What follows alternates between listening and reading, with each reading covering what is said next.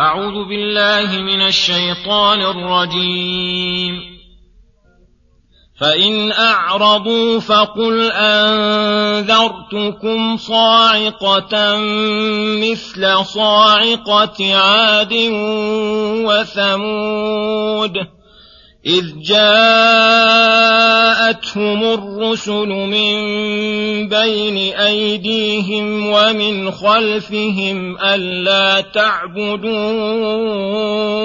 إلا الله قالوا لو شاء ربنا لأنزل ملائكة فإنا بما أرسلتم به كافرون. فأما عاد فاستكبروا في الأرض بغير الحق وقالوا من أشد منا قوة أولم يروا أن الله الذي خلقهم هو أشد منهم قوة وكانوا بآياتنا يجحدون فأرسلنا عليهم ريحا صرصرا في أيام نحسات لنذيقهم لنذيقهم عذاب الخزي في الحياة الدنيا ولعذاب الآخرة أخزى وهم لا ينصرون. وأما ثمود فهديناهم فاستحبوا العمى على الهدى. فأخذتهم صاعقة العذاب الهون بما كانوا يكسبون.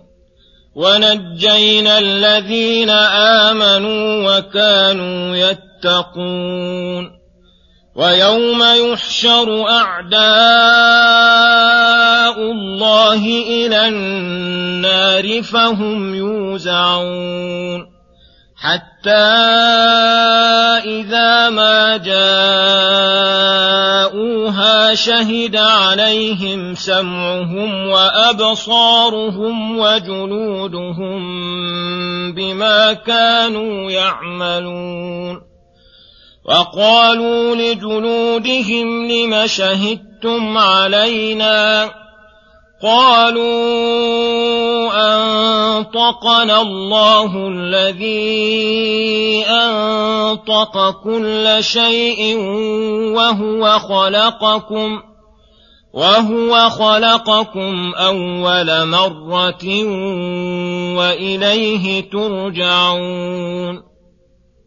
وما كنتم تستترون ان يشهد عليكم سمعكم ولا ابصاركم ولا جلودكم ولكن ولكن ظننتم ان الله لا يعلم كثيرا مما تعملون وذلكم ظنكم الذي ظننتم بربكم أرداكم فأصبحتم من الخاسرين.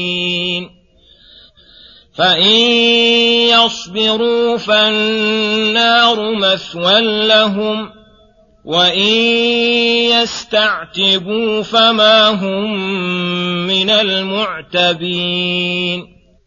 بسم الله الرحمن الرحيم. السلام عليكم ورحمة الله وبركاته.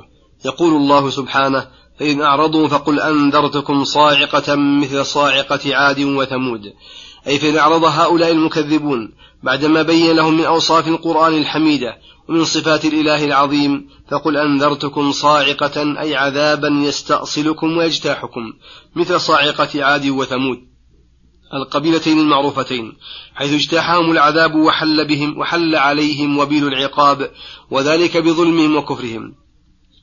إذ جاءتهم رسل من بين أيديهم ومن خلفهم أي يتبع بعضهم بعضا متوالين ودعوتهم جميعا واحدة ألا تعبدوا إلا الله.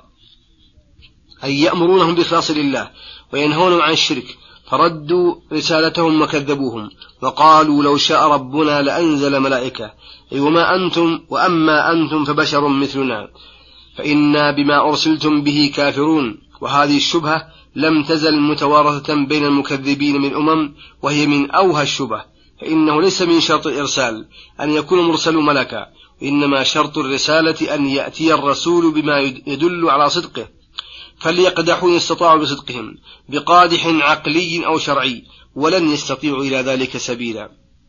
ثم يقول سبحانه فأما عاد فاستكبروا في الأرض بغير الحق. الآيات. هذا تفصيل لقصة هاتين الأمتين عاد وثمود. فأما عاد فكانوا مع كفرهم بالله وجحودهم بآيات الله وكفرهم برسله مستكبرين في الأرض قاهرين لمن حولهم من عباد ظالمين لهم قد أعجبتهم قوتهم. وقالوا من أشد منا قوة؟ قال تعالى ردا عليهم بما يعرفه كل أحد أولم يروا أن الله الذي خلقهم هو أشد منهم قوة؟ فلولا خلقه إياهم لم يوجدوا فلو نظروا إلى هذه الحال نظرا صحيحا لم يغتروا بقوتهم فعاقبهم الله عقوبة تناسب قوتهم التي اغتروا بها فأرسلنا عليهم ريحا صرصرا أي ريحا عظيمة من قوتها وشدتها لها صوت مزعج كالرعد القاصف فسخرها الله عليهم في أيام نحسات سبع ليال وثمانية أيام حسوما فترى القوم فيها صرعى كأنهم أعجاز نخل خاوية فدمرتهم وأهلكتهم فأصبحوا لا يرى إلا مساكنهم. وقال هنا لنذيقهم عذاب الخزي في الحياة الدنيا الذي اختزوا به وافتضحوا بين الخليقة ولعذاب الآخرة أخزى وهم لا ينصرون. أي لا, يمن أي لا يمن يمنعون من عذاب الله ولا ينفعون أنفسهم.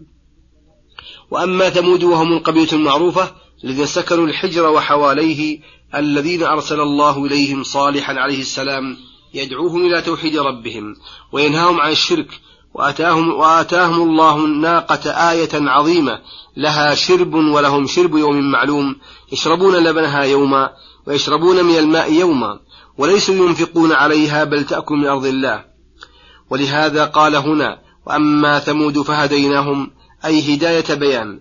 وإنما نص عليهم وإن كان جميع الأمم المهلكة قد قامت عليهم الحجة وحصل لهم البيان لأن آية ثمود آية باهرة قد, قد رآها صغيرهم وكبيرهم وذكرهم وأنثاهم وكانت آية مبصرة فلهذا خصهم بزيادة البيان والهدى ولكنهم من ظلمهم وشرهم استحبوا العمى الذي هو الكفر والضلال. على الهدى الذي هو العلم والإيمان. فأخذتهم صاعقة العذاب بما كانوا يكسبون. لا ظلما من الله لهم. ونجينا الذين آمنوا وكانوا يتقون. أي نجى الله صالحا عليه السلام. ومن اتبعه من المؤمنين. المتقين للشرك والمعاصي. ثم يخبر تعالى عن أعدائه. الذين بارزوه بالكفر وبآياته وتكذيب رسله ومعاداتهم ومحاربتهم وحالهم الشنيعة. حين يحشرون أي يجمعون إلى النار فهم يوزعون أي يرد أولهم على آخرهم ويتبع آخرهم أولهم ويتبع آخرهم أولهم ويساقون إليها سوقا عنيفا لا يستطيعون امتناعا ولا ينصرون أنفسهم ولا هم ينصرون حتى إذا ما جاءوها أي حتى إذا وردوا على النار وأرادوا الإنكار أو أنكروا ما عملوا من المعاصي شهد عليهم سمعهم وأبصارهم وجلودهم عموم بعد خصوص. بما كانوا يعملون أي يشهد عليهم كل عضو من أعضائهم وكل عضو يقول أنا فعلت كذا وكذا يوم كذا وكذا وخص هذه الأعضاء الثلاثة لأن أكثر الذنوب إنما تقع بها أو بسببها. فإذا شهدت عليهم عاتبوها وقالوا لجلودهم هذا دين على أن الشهادة تقع من كل عضو كما ذكرنا. لما شهدتم علينا ونحن ندافع عن كنا؟ قالوا أنطقنا الله الذي أنطق كل شيء فليس في إمكاننا الامتناع عن الشهادة حين أنطقنا الذي لا يستعصي عليه شيء عن مشيئته.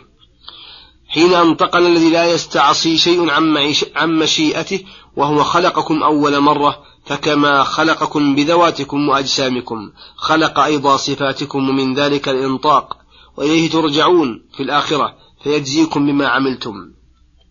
ويحتمل أن المراد بذلك استدلال على البعث بالخلق الأول كما هو طريقة القرآن. وما كنتم تستترون أن يشهد عليكم سمعكم ولا أبصاركم ولا جلودكم.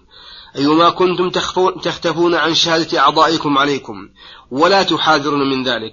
ولكن ظننتم بإقدامكم على المعاصي أن الله لا يعلم كثيرا مما تعملون.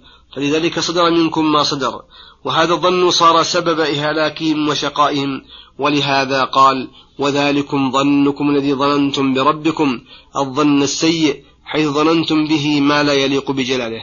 أرداكم أي أهلككم فأصبحتم من الخاسرين لأنفسهم وأهلهم وأديانهم بسبب الأعمال التي أوجبها لكم ظنكم القبيح بربكم. فحقت عليكم كلمة العقاب والشقاء ووجب عليكم الخلود الدائم في العذاب الذي لا يفتر عنهم ساعة. فإن يصبروا فالنار مثوى لهم فلا جلد عليها ولا صبر. وكل حالة قدر إمكان الصبر عليها فالنار لا يمكن الصبر عليها. وكيف الصبر على نار قد اشتد حرها؟ وزادت على نار الدنيا بسبعين ضعفا وعظم غليان حميمها وزاد نتن صديدها وتضاعف برد زمهريرها وعظمت سلاسلها واغلالها وكبرت مقامعها وغلظ خزانها وزال ما في قلوبهم من رحمتهم. وختام ذلك سخط الجبار وقوله لهم حين يدعونه ويستغيثون اخسأوا فيها اخسأوا فيها ولا تكلمون. وإن يستغيثوا أن يطلبوا أن يزال عنهم العتب العتب فيرجعوا إلى الدنيا ليستأنفوا العمل فما هم من المعتبين لأنه ذهب وقته وعمروا ما يعمر فيه من تذكر وجاءهم النذير انقطعت حجتهم. مع أن استعتابهم كذب منهم فلو ردوا لعادوا لما نهوا عنه وإنهم لكاذبون. وصلى الله وسلم على نبينا محمد وعلى آله وصحبه أجمعين. إلى الحلقة القادمة غدا إن شاء الله. والسلام عليكم ورحمة الله وبركاته.